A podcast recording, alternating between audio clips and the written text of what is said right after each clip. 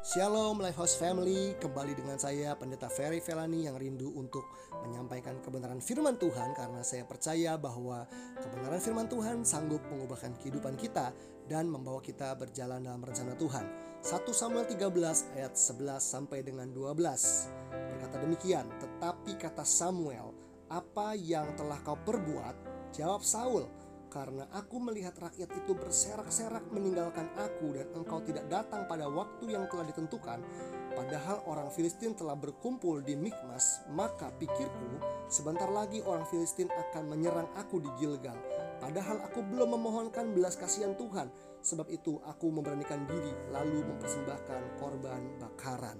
Bapak Ibu yang dikasih Tuhan, Saul dalam keadaan terjepit sebagai seorang raja dan ketika dia takut ternyata yang dia lakukan adalah ketidaktaatan dia kompromi ia melakukan apa yang tidak boleh dilakukan. Dan akibatnya dia kehilangan pengurapan kehilangan kepercayaan dari Tuhan. Saya percaya bahwa sebagai orang Kristen kita perlu mempersiapkan diri untuk menghadapi masa-masa terjepit. Kita nggak pernah tahu kapan kita akan mengalami kondisi terjepit. Terjepit terhimpit di mana ketika kita dalam uh, ter keadaan terjepit tersebut kita diminta untuk membuat keputusan secara cepat. Tidak ada waktu untuk berpikir panjang, tidak ada waktu bertanya, untuk bertanya pada orang lain atau melempar tanggung jawab ke orang lain. Harus kita yang memutuskannya.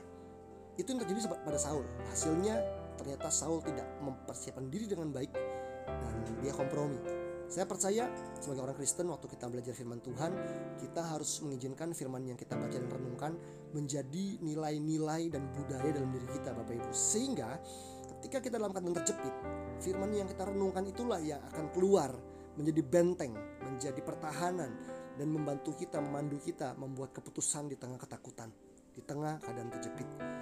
Apa yang terjadi pada Saul adalah kompromi. Dia takut dan dia tidak taat saya percaya ketaatan tidak terjadi karena tiba, uh, dengan tiba-tiba. Ketaatan adalah hasil sebuah keputusan yang sering kali dibangun begitu lama. Artinya ada kebenaran firman Tuhan yang kita terima, kita renungkan, kita pegang sebagai prinsip hidup, sebagai nilai-nilai dalam diri kita yang akhirnya dalam sebuah situasi semua kebenaran yang kita pelajari akan muncul untuk membawa kita pada ketaatan. Kalau kita tidak mencintai kebenaran, kalau kita tidak pernah mengizinkan diri kita diubahkan oleh kebenaran, kalau kebenaran firman Tuhan yang kita pelajari tidak pernah menjadi prinsip hidup, gak heran.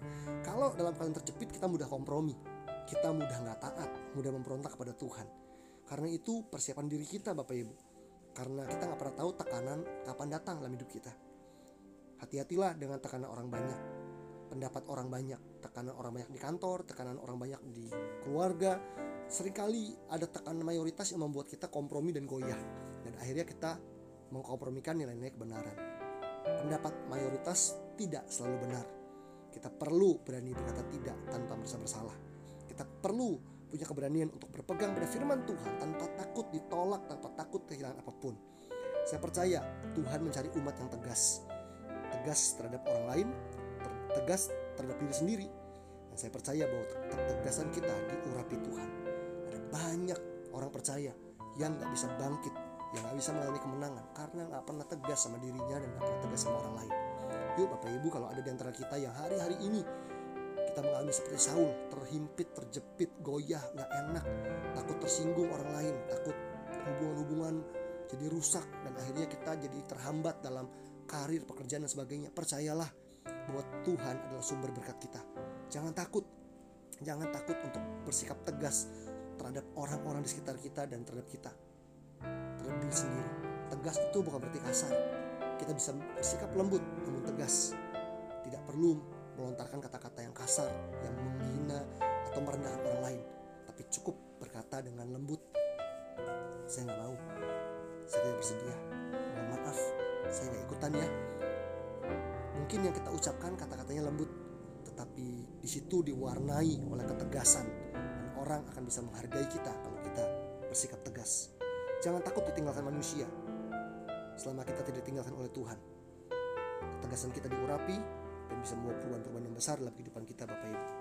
Yuk, belajarlah dan persiapan diri kita untuk menjadi orang Kristen yang takut akan Tuhan di segala keadaan, di semua situasi.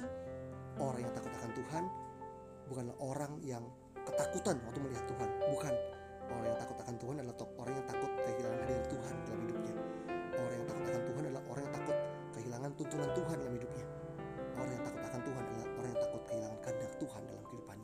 Itu sebabnya dia lebih baik kehilangan hubungan-hubungan yang ada di hidupnya daripada dia kehilangan Tuhan, hadiratnya, tuntunannya, dan kehendaknya dalam kehidupannya.